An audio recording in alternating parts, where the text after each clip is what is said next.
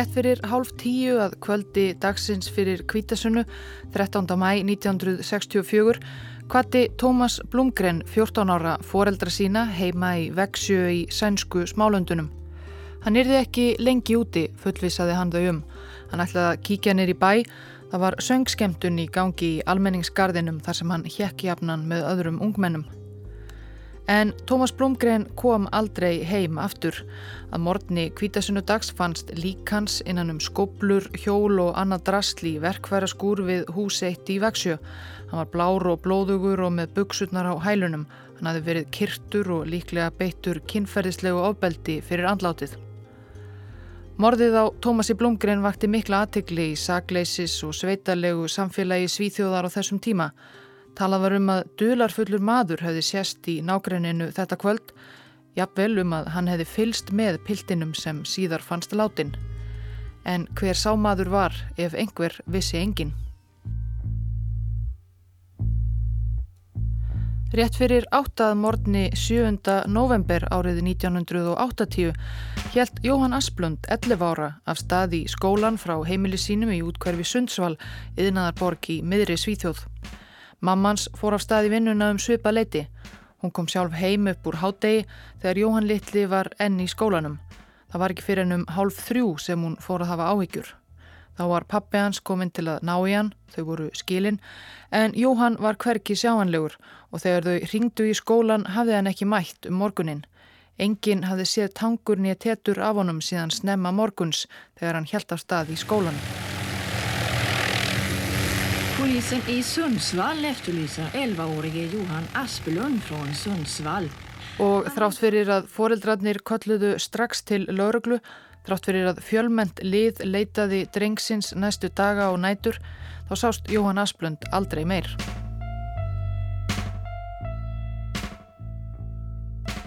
Hrottafengið morðið á Tómasi Blomgren kvítasunu helgina 1964 og hvarf Jóhanns Asplund sem vetur 16 árum síðar 1980.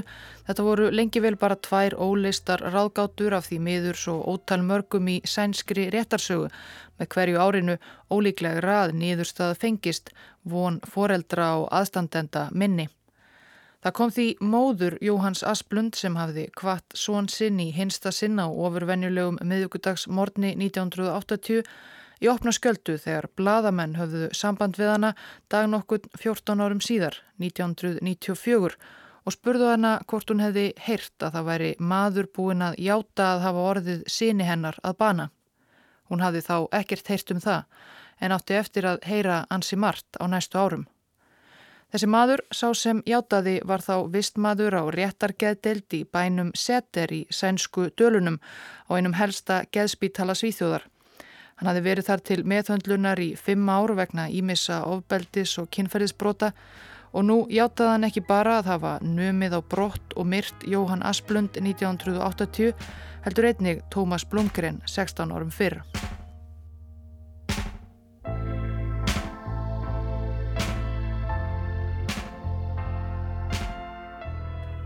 Það var komin tími til að segja sannleikan. Á næstu misserum og árum játaði vistmaðurinn sem fyrstum sinn var kallaður setermaðurinn í sænskum fjölmilum en síðar nafngreindur sem Thomas Quick á sig tugi morða ekki bara í Svíþjóð heldur einnig í Noregi og Finnlandi. Að loknum umfangsmiklum laurugluransóknum var hann svo að endingu dæmdur fyrir átta morð þar á meðal morðið á Jóhanni Asplund.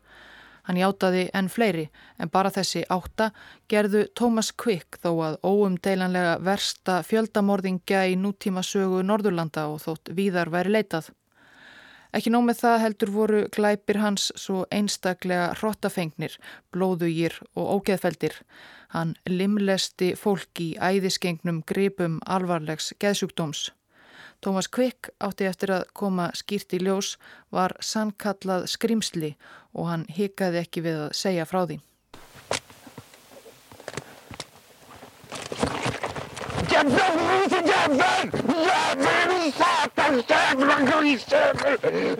Jag har svarat, ansvarat för så mångas förgänglighet. Dödat innan döden var den nära. Dödat unga liv som var äkta liv på väg att i sin tur skapa levande liv. Ég ber ábyrð á brottkvarfi svo margra. Ég hef drepið áður en dauðin var nálægur. Tekið ung líf sem voru alvöru líf að fara að skapa lifandi líf sjálf.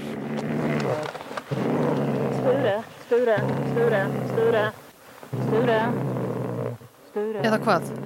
Í dag er þessi sem hér urrar, raðmorðingin og skrimslið Tómas Kvikk frjáls maður, síknaður af öllum morðunum átta sem hann var dæmdur fyrir á sínum tíma, laus af geðdeldinni, gengur ekki lengur undir nafninu Tómas Kvikk. Og margir líta á mál hans sem einhvern mesta réttarfarsskandal í sögu svíþjóðar och kannski þó víðar veri leitað. Eins og hann sjálfur segir nú, þá framti hann ekki neitt af þeim morðum sem hann var dæmdur fyrir á sínum tíma.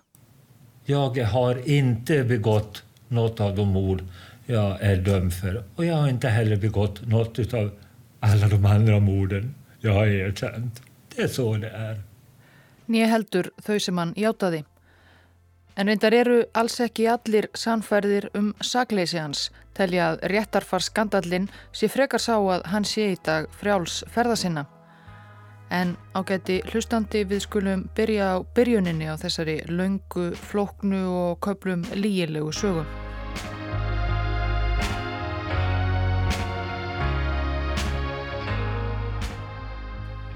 Tuttugast og sjötta april 1950 fættust tvíburar, hjónunum Týru og Úve Bergvall í Kjörsnesi, skant frá Falún, höfuðborg Sænsku Dalana. Dóttirinn Gunn og sonurinn Stúri fymtu og sjöttu börn bergvarhjónana. Þau voru fátæk af bændum og verkamönnum til margra kynnslóða, fjölskyldu fæðirinn Úvi var ómentaður og vann í versmiðju. Daginn átti tvíburabróðurinn Stúri Bergval eftir að taka sér nafnið Tómas Kvikk og verða þekktur og allræmdur sem versti raðmorðingi Norðurlandana, en það kom síðar. Fadir tvíburana var heitt trúaður og strángur og andrumsloftið á heimilinu var þungt. Sögur Stúres af bernsku sinni eru dimmar en meira af því síðar. Það er margt umdelt í lífslaupi mannsins sem síðar varð Thomas Quick en þessi frásögn sem hér fylgir er byggð á verlaunabók rannsóknar bladamannsins Dans Jósefsson um Quick málið sem kom út 2013. Sjú ára gamall fekk Stúri litli Berkla og þurfti að dvelja rúmt ára á Berklahæli fjarrri fjölskyldu sinni. Hann náði sér svo af berklunum líkamlega en kannski ekki alveg andlega. Hann kom af hælinu ári á eftir í skóla, veikburða eftir langa sjúgráslegu, lesblindur að auki, á allanhátt eftirbátur jafnaldra sinna og hann fekk að kenna á því. Hún var stríkt, hann var vinalaus alla sína skólagöngu og eins og til að bæta gráu ofan á svart þá uppgötaði hann þegar hann komst á táningsár að hann neyðist til annara karlmanna.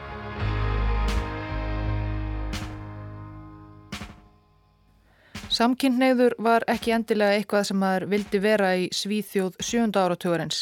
Samkynneigð var þá skilgreind af yfirvöldum og samfélagi sem geðveila, sjúkleg perversjón. Þegar Stúri Bergvall, síðar Tómas Kvikk um 14 ára gamall varð ástfangin af bekkjabróður sínum, fylgist hann því örvæntingum.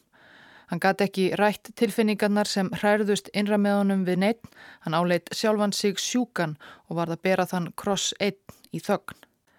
Það var um svipaleiti sem hann byrjaði að misnota ímis efni. Fyrst fór hann að drekka sig fullan en fljótt var þans eftirlætis flótaleið að sniffa leysiefnið tríklóretílen. Það er stórhættulegt efni sem víðast hvar er löngu bannað og líða þannig inn í vímu, ofskinjana og óminnis einna og ráfi um götur Dalaborgarinnar Falun þar sem fjölskyldan bjóð þá. Þetta gerði hann svo að segja dag hvern árum saman.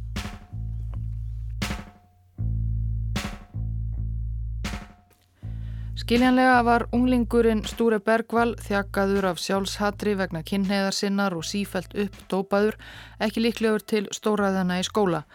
Hann virðist líka hafa hátt erfitt með að hafa heimil á sér. Hann var ávitaður af skólaeyfirvöldum fyrir að hafa áreitt yngri pilt og í annað sinn gengu samnefendur hans í skrokkáanum eftir að hann varð uppvís að sama glæp. Það var um þetta leiti 1964 þegar Stúri var 14 ára sem hann síðar játaði að hafa misnotað og myrt jafnaldra sinn Tómas Blumgren í almenningsgarði í Veksjö um 500 kilometra söður af Falun. Það var einnig um svipaleiti og Stúri Bergvall fermtist.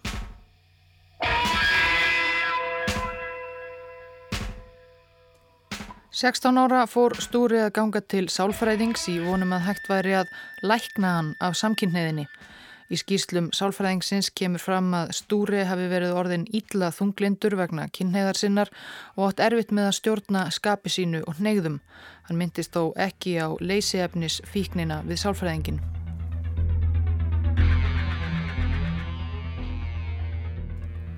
Sunnudagsmorgunin 16. april 1967 fór Alvar Larsson, 13 ára bondasónur, út í göngutúr að ná í eldi við í nágrenni bondabæ fjölskyldunar á eiginni Sirkan í Ösnen, stærsta stöðuvatni Smálanda. Þegar hann var ekki komin heim fyrir messu fóru foreldrar hans að hafa áhyggjur af honum en hverki á Sirkun fannst tangur eða tetur af alvari eða nokkrar vísbendingar um hvað hefði orðið af drengnum. 15 árum síðar, 1982, fundu veiðimenn hauskúpu pilts á óbyggðri smáegu í Osnenvatni um 5 km frá Sirkon. Tann rannsókn leiti í ljósað kúpan tilherði Alvar Larsson og var með stort gat á nakkanum.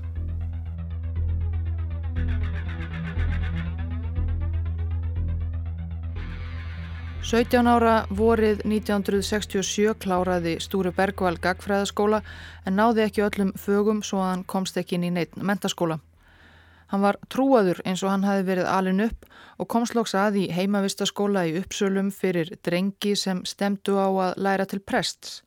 Þar var hann til stöðugra vandræða en það sniffaði hann enn á hverjum degi og drakkað auki.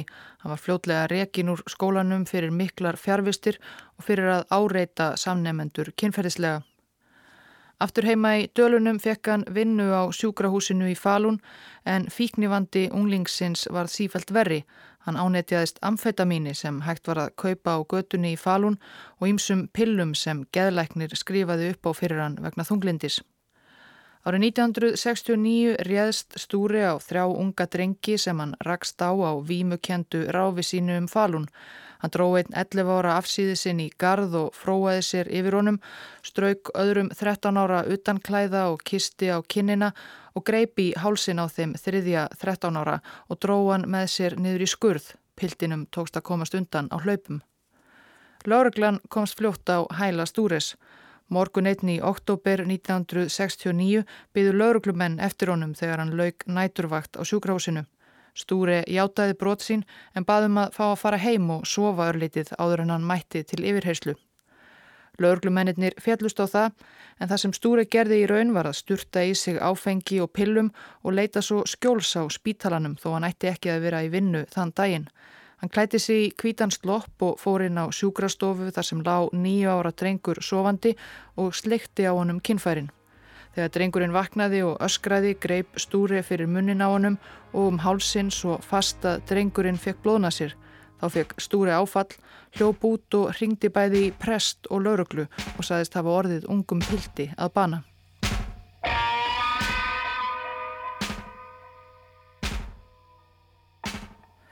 Drengurinn var reyndar ekki í látin bara með blóðnasir og saðist síðar hafa fengið martröð. En Stúri Bergvall, tvítugur, var nokkrum mánuðum síðar, vorið 1970, dæmdur til vistunar á réttargeðdelt fyrir fjögur kynferðisbrott gegn ungum pildum. Að mati geðleiknis sem rannsakaðan var hann haldinn satískri barnagerind og hefði vel getað ætlað sér að myrða pildin á sjúkrahúsinu sér til ánægu. Annar geðleiknir sem einning rannsakaði stúri var að vísu ósamála um að hann hefði ætlað sér að drepa drengin. En þetta var þó greinilega hættulegur maður með hættulegar kendir.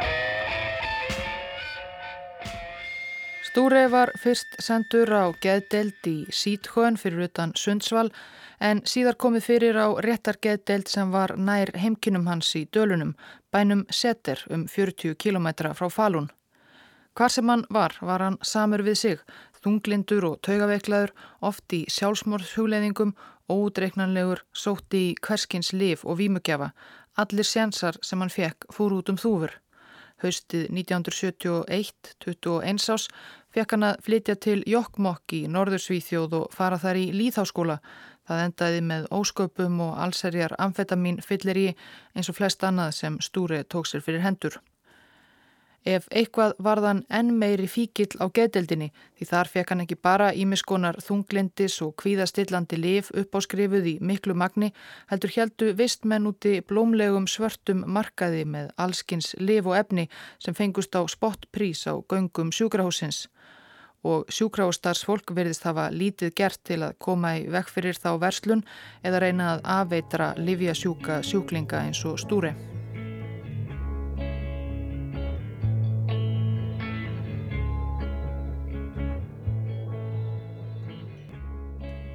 Í ágúst 1973, þegar Stúri var 23, lísti hann því yfir að hann vildi nema bókmentafræði við háskólan í Uppsölum og fekk leifi lækna til að flytja þangað heim til bróður síns Örjans til að klára mentaskólan í kvöldskóla.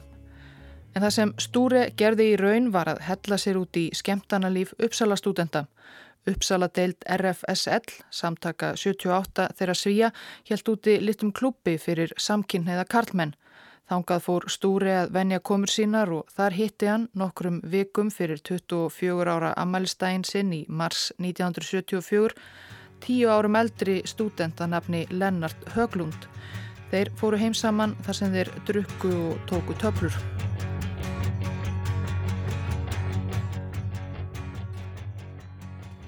Svo fór Lennartinn á bað að afklæðast en stúriðin í eldhús að sniffa aðeins sitt uppáhals leysiefni tríklóretílen og hann umturnaðist eins og bæði stúri og Lennart hafa líst síðar. Þegar Lennart kom fram, greip stúri steikarpönnu, lamdi Lennart í höfuðið og stakkan svo ítrekkað með eldhúsnýf. Stúri flúðið að lokum. Lennart tókst ítla særðum að skrýða í síma og ringja á sjúkrabíl en aðeins örfáum mínútum munaði að hann hefði látið lífið. Lörglan greip stúri fljótt en hann var aldrei ákerður fyrir ódæðið því ljós kom að hann var þegar vistmaður á réttargeðdelt. Hann var því sendur aftur á seter. Í viðtali við sænska bladið Expressen árið 2012, 38 árum eftir árásina, saðist Lennart Höglund enn vera hrættur við Stúri Bergvall. Ég kjenner en stór oro fyrir den mannen. Fyrir mér er hann enn djöfullin sjálfur, bætti hann við.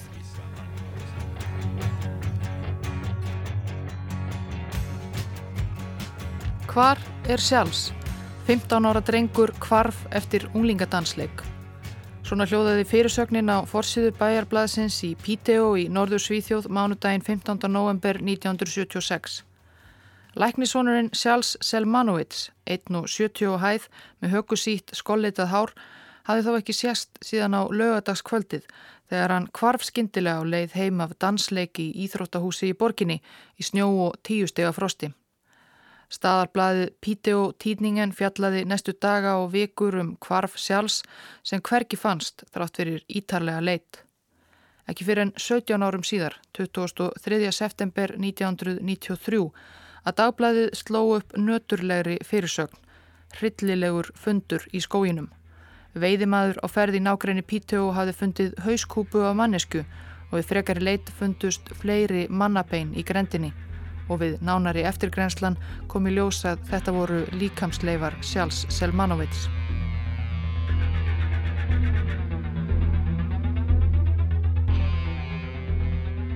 Vorið 1975 reyndi Stúri Bergvall að stitta sér aldur með því að gleipa 80 róandi töblur en hann vildi ekki deyja einn svo hann ringdi í sálfræðingin sinn á setter sem gerði lögreglu viðvart. Hann lifði af og sjálfsmórstilurinn virðist hafa gert stúri ákveðinari í að losa sig við lifin og vímugjafana sem hefðu enkjent allt lífans til þessa. Í mæ 1976 fekk Stúri 26 ára að flytja til foreldrasinna í Sjörsnes utan við Falun. Hann trappaði sig smátt og smátti niður af geðlifjaskamtinum, komst niður í aðeins 10 milligröm af kvíðastillandi lifinu Sobril 15 af því sem hann fekk þegar hann var fyrst lagður inn á sjúkrahúsið tvítugur. Læknar fyldust með honum fyrstum sinn en sambúð hans og foraldra hans gekk vel og stúri kvorki sniffaði nefar í sjálfsmórshugleðingum. Í mæ 1977 var Stúri Bergvall al útskrifaður af geðsjúkrahúsinu í Seter eftir um 7 ára sjúkdómsögum. Hér hófst það sem kannski má lýsa sem tíðinda minnsta og jáfnvel besta tímabili í lífi Stúri Bergvall sem spannaði mest allan nýjunda áratögin. Eða allavega það tíðinda minnsta og besta á yfirborðinu. Hann hjælt sér edru nema hann hjælt alltaf áfram að taka sinn tiltölulega væga skamt af sóbril. Hann sniffaði ekki og drakk ekki og hjólaði mikið sér til heilsubótar. Hann endur nýjaði kynnin við sískinni sín og fjölskyldum. 1982 kefti hann litla sjóppu rétt utan við Falun með eldri bræðrum sínum Sten Uwe og Örjan. Þeir ráku hana saman til ásins 1986 þá eignaðist Stúri sína eigin sjóppu. Hann var vel liðinn, þrátt fyrir að hafa varið öllum þessum árum í neistlu og verið lokaðurinni á geðdelt var hann viðræðu góður og skemmtilegur, vinalegur að sjá, hávaksinn og nokkuð hraustlegur að fá skalla og með stór stálsbangargileilugu. Sjoppanas Stúri var það samkomustað unglingstráka í nágrenninu. Hann leifði þeim ímislegt, gaf þeim nammi og gós og síndi þeim vídjó. Drengirnir sögðust síðar hafa vitað að Stúri væri samkynneður en hann hefði aldrei leitað á þá. Enga síður hefur honum örgleikið þótt leiðinlegt að umgangast þá en það vildi hann jafnan allt fyrir strákan að gera. Hann kyrði þá meira segja alla leiðina til Stokkólms marg oft til að fara með þá á tónleika. Eitt drengurinn var sérstatt uppáhald Stúres, Patrik. Hann var 14 ára 1986 og vannstundum í sjóppunni. Þegar foreldrar hans er rifust kom hann heim til Stúres og þeir horðu saman á vídjó. Patrik hefur sömulegis alltaf sagt að Stúri hafi aldrei leitað á hann. En einhvað síður varð Stúri ástfangin af drengnum svo mjög að þegar áleið heldist svartnættið yfir hann aftur. Hann fór að fá sér bjór öðru kvoru Svo fór hann að taka stærri skamta af sóbril, svo sökk hann aftur ofan í amfetamin neyslu. Og til að fjármagna neysluna leytist hann út í glæpi. Í vonum tryggingafið brendi hann sjóppuna sína til grunna. Þegar það nægði ekki rændi hann í februar 1990 einhverjum þúsund köllum úr bingósal þarna í sveitinni. En þeir dögðu heldur ekki svo lengi. Desember morgun árið 1990 var löfgrein fjölskyldan í smábænum Gríksbú norður af Falun vakin af dýrabjöllunni, eld snemma. Fyrir utan stóðu tveir grímuklættir menn, annar var með lambúsettu og nýf, það var Stúri Bergvall. Hinn var með álvagrímu, nýf í hendi og loftbissu í buksnastrengnum. Það var Patrik, 18 ára vinur hans. Þeir ruttust inn og tóku fjölskylduna í gíslingu, mann, konu og 10 ára són. Fjölskyldufæðurinn Bert Löfgren var yfir útibúi Jötabankans í Gríksbú og Patrik með álvagrímuna netti hann með sér upp í bíl til að fara að ná í peninga í bankan. Ellegar myndi Stúri vinna konu hans og sinni megin. Ræningjarnir komist undan með sekka peningum en voru svo handteknir strax síðdeis þar sem útibústjórin hafi borið kennsláð á þrátt fyrir grímurnar og að þeir reyndu á köplum að tala með finskum hreim. Málið þóttirindar allt svo heimskulegt að báðir bankaræningjar sættu geðransókn. Patrik reyndist þó frískur og var dæmdur í þryggja á hálsás fangelsi en Stúri Bergval var metinn vanheitl á geði og dæmdur til vistunar á réttargeðdelt en eina ferðina. Eftir 13 ára frelsi var Stúri Bergval, fertur, lagður aftur inn á geðsjúkrahúsið í Seter.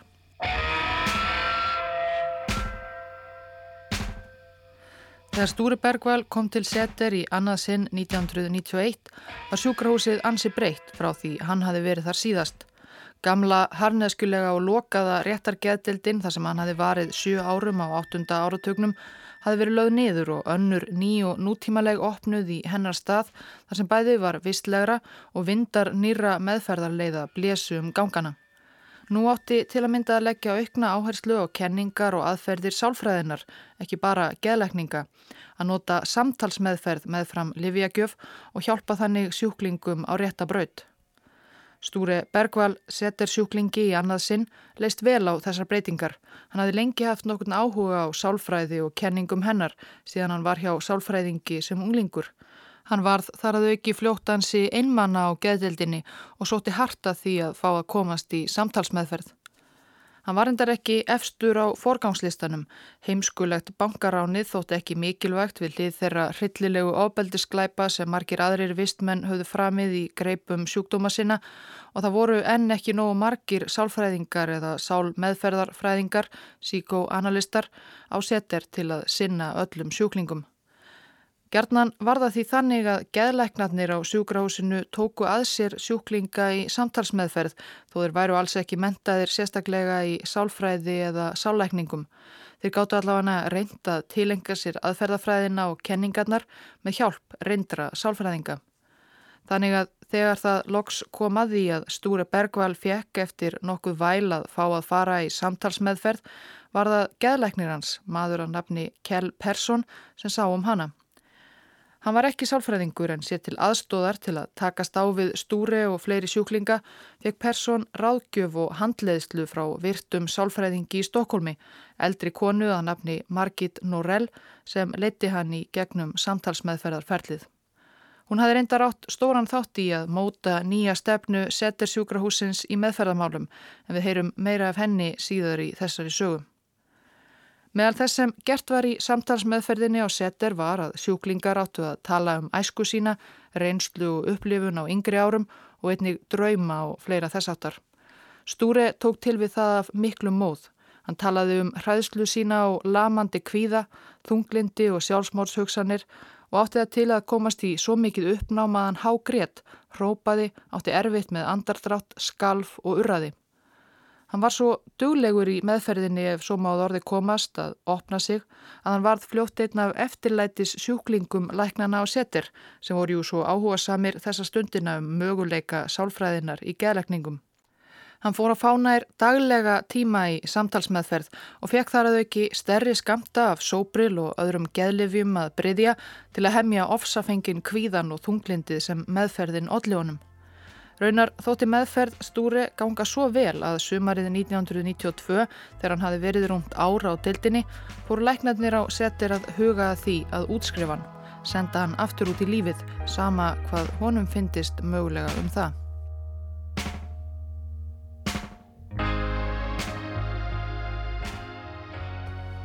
Einn sólríkan dag í júni 1992 fór stúri með fleiri sjúklingum og starfsfólki á seter í baðferð niður að strönd stöðuvatsins sem sjúkrahásið stendur við. Að ferðinni lokinni skrifaði yfirleiknir þetta í sjúkraskýrslu stúri. Í gær í strandferð talaði sjúklingurinn undarlega við starfskonu sem hann hefur mikið álit á. Hann velti fyrir sér hvernig viðbröðin yrðu ef hann hefði gert nokkuð mjög alvarlegt og sem vísbendingu gaf hann bókstafina M og U. Hann segir við mig í dag að auðvita vitan hvaða þýði, en hann geti þó ekki útskýrta. M og U. Hvað í óskupunum geti það verið veldu læknarnir fyrir sér, en Stúre útskýrði þetta ekki nánar. Ferlið að útskrifa hann helt áfram. Hún var útvöguð íbúð í nákrenni spítalans Þar átti Stúri Bergval að hefja eðlilegt líf að nýju. Allt í einu um þetta leiti, sumarið 1992, tók Stúri upp á því að skipta um nafn. Stúri Bergval varð Tómas Kvikk. Kvikk var ættarnafn móður hans fyrir giftingu en hvaðan kom þetta Tómasarnafn? Það kom ekki ljós fyrir en síðar en Tómas Kvikk var allavega fættur. Og í oktober þegar útskriftin stóð fyrir dyrum fór hann að tala aftur í gátum nú við Kjell Persson, geðleiknin sem sá um samtalsmeðferðina. Hann grét og skalva á sófanum hjá Persson og sagði, milli ekkasoga, vera smátt og smátt að endur heimta erfiðar minningar. Minningar af því að hafa meitt ungan pilt. Myrtan. Jú, hann myndi þetta. Það var Jóhann Litli Asplund, 11 ára drengurinn sem hafði horfið frá heimili sínu í Sundsvall í november 1980 fyrir 12 árum og aldrei sést meir. Polisen í Sundsvall eftirlýsa 11-órige Jóhann Aspelund frá Sundsvall. Myndin af því hvernig Jóhann dó hefur orðið skýrari á síðustu dögum. Ég get ekki lengur lokað augunum. Með hverjum deginum og hverju meðferðarsamtali myndi Thomas Quick meira og meira því sem hafi átt sér stað í Sundsvall í november 1980. Hann hafði fengið lánaðan Volvo og kyrt frá Falun til Sundsvall um 300 km leið, gaggert til að leita sér að fornalambi. Hann hafði gripið drengin og dreyið hann upp í bílinn sinn. Þessi frásögn er úr brefi sem hann skrifaði lækninum sínum Kjell Persson um þetta leiti. Þetta er allt óhugulegra en óhugulegt. Það byrjaði því að ég skellti andlitin á honum í mælaborðið. Ég ræsti bílinn og kerði burt. Jóhann var meðutundurlaus. Ég var á staðnum en samt svo langt í burtu. Kvikk lísti því svo hvernig hann kerði með piltin fáfarin skóarveg hendi honum svo út úr bílnum og lamdi höfðun á honum ítrekkað við jörðina og kildi hann í framann. Andlitið á honum verður illa krambulerað. Ég man sérstaklega hvernig kinnarnar á honum breytust, hvernig ég reyttist þessum þýkjustu, saklausu kinnum á honum og það fekk mig til að eidilegja þær. Ég sé að hann er að deyja. Ég vil renna saman við hann áður.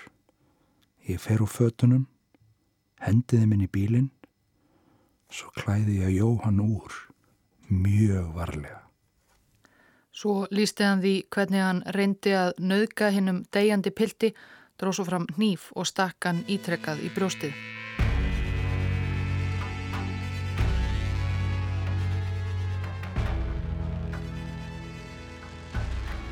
Það var að sjálfsögðu fallið frá öllum áformum um að útskrifa Tómas Kvikk af setersjúkrahúsinu. Sem læknir Tómasar Kviks áður Stúri Bergval var Kjell Persson bundin þagnareið og fór ekki með hjáttningu hans til lauruglunar. Hann nefndi hana heldur ekki í sjúkraskýslu Kviks.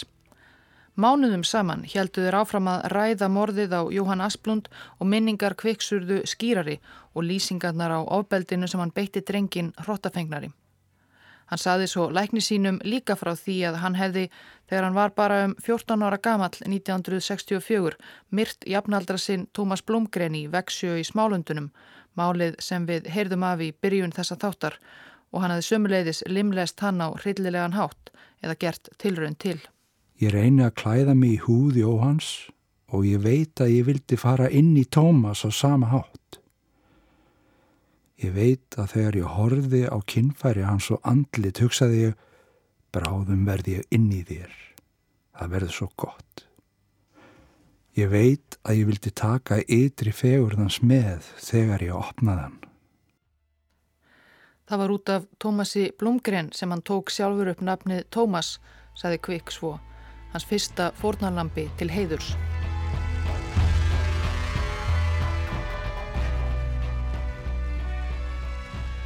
Það var ekki fyrir enn í februar 1993, mörgum mánuðum eftir að Kvik leisti fyrst frá skjóðunni, að geðleiknirinn Kjell Persson fór í vetrarfrí og annar starfsmæður fekk umsjón með samtalsmeðferð Tómasar Kviks, sálfræðingur á færtugsaldri að nafni Birgitta Stóle. Hún hafði ekki unnið lengi á setersjúkrahúsinu en hafði tröllatrú á því starfi sem þar fór fram og gagnsemi samtalsmeðferðar í meðhöndlun erfiðra geðsjúkdóma Hún hafði líka starfað með sama reynda Stokkólms sálfræðingi og hafði leiðbeint Kjell Persson með kvikk. Hún var því full færum að taka við meðferðans en það eina sem hún var ekki alveg samála var að frásagnir af hrottafengnum morðum ættu að vera aðeins á milli sálfræðings og skjólstæðings. Eftir að kvikk hafði sagt Birgittu Stóle frá yllvirkjum sínum talaði hún við yfirlæknin á seter sem hafði svo samband við laurugluna. Hjáttningar Tómasar Kviks voru orðnar lauruglumál.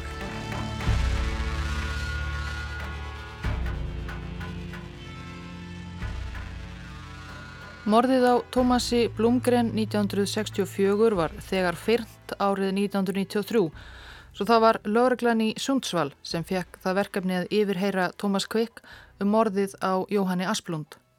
Rannsóknina leiti saksóknarin Krister Vander Kvast sem hafi sérhæft sig í fjárglæpum og hafi rannsakað eitt morð áður og svo lauruglufulltrúin Seppo Pentinen sem hafi farið með fíknefnabrót hjá lauruglunni í Sundsvall. Þeir tveir átt eftir að leiða rannsókn sænskra yfirvalda á glæpum Thomasar Quicks næsta áratugin og yfirheyra hinn grunaða ótal sinnum en bara fyrstu orðin sem sögð voru í fyrstu yfirheyslunni gaf ákveðin forsmekk af því sem koma skildi úr laurugluskíslum. Ef við byrjum þá á hvað er það sem að þú vilt einlega segja okkur í lörglunni? Eitthvað sem gerðist, eitthvað sem þú gerðir? Tómas Kvikk svarar. Þetta, þetta er erfitt og þú verður að vera viðbúin að ég, að ég verði örglega mjög þögul og það verður að vera þannig. Við verðum að finna einhverja aðferð til að segja frá. Já, bara svo þú vitir að þetta er mjög erfitt. Sagan sem Kvikk sagði löglumönnum svo loksi yfirheyslu af því hvernig hann myrti Jóhann Asplund var talsveit öðruvísi en hann hafði sagt lækni sínum Kjell Persson á seter. Nú sagðist hann var kyrt Jóhann, ekki stungið og reyndað nauka honum við tre og sitt hvað annað hafði breyst. En þetta voru erfiðar, sárar minningar sem Kvikk hafði tekist að bæla niður í 13 ár.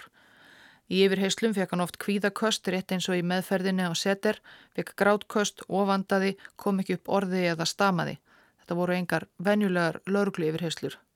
Saksóknarin Krister Vander Kvast og rannsóknar lauruglumæðurinn Seppo Pentinen voru fljótir að átta sig á því að til að ná upplýsingum upp úr Tómasi Kvikk urðu þeir að taka upp aðferðir sálfræðingana og geðleiknana sem miðhundluðan og þeir voru ekki nokkrum vafa um frásagnir hans. Þeir máttu ekki agnúast of mikið ef hinn grunaði var óvis um ímsar staðrindir því myndin hlautað skýrast að lokum og svo var gott að vera með róandi lif við höndina þegar uppnámið varð of mikið.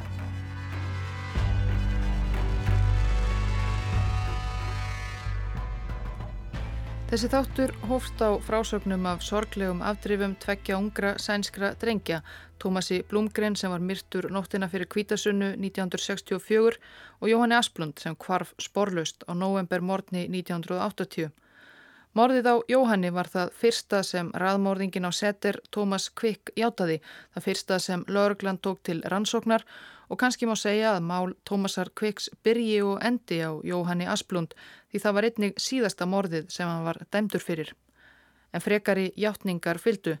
Alvar Larsson, bóndasónurinn ungi sem kvarf á sunnundasmotni fyrir messu og fleiri og fleiri. En fyrstum sinn var það ennanar drengur sem átti eftir að gegna einna stærstu hlutverki í máli Tómasar Kviks, síðhærði skólhærði pilturinn sem kvarf sporlaust eftir dansleik í Piteó í norður Svíþjóð á vetrarkvöldi 1976, Sjálfs Selmanovits og hvers hauskúpa og nokkur bein fundust 17 árum síðar. En af því heyrum við meira í næsta þætti því máli Tómasar Kviks var hverginæri lokið.